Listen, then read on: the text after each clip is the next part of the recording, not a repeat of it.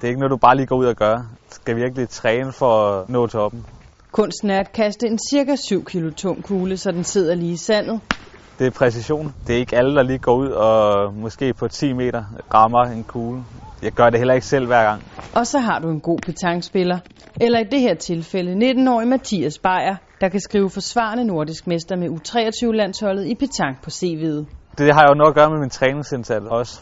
Al den tid, jeg ligger i mit petang, det hæver jo mit bundniveau i sidste ende.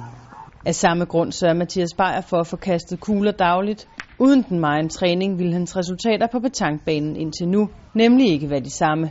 Du skal finde den rigtige teknik, øh, der passer til dit spil. Og ja, den har taget mig nogle år at finde. Har ændret lidt øh, på min kast sådan med tiden, og har, har fundet noget, der virker nu. Og så er det bare med at få det stabiliseret. Jo mere afslappet du er, jo, jo bedre er din præcision. Det gør også, at blandt andet når du skyder, øh, der er større chance for, at du bliver liggende, hvis du rammer.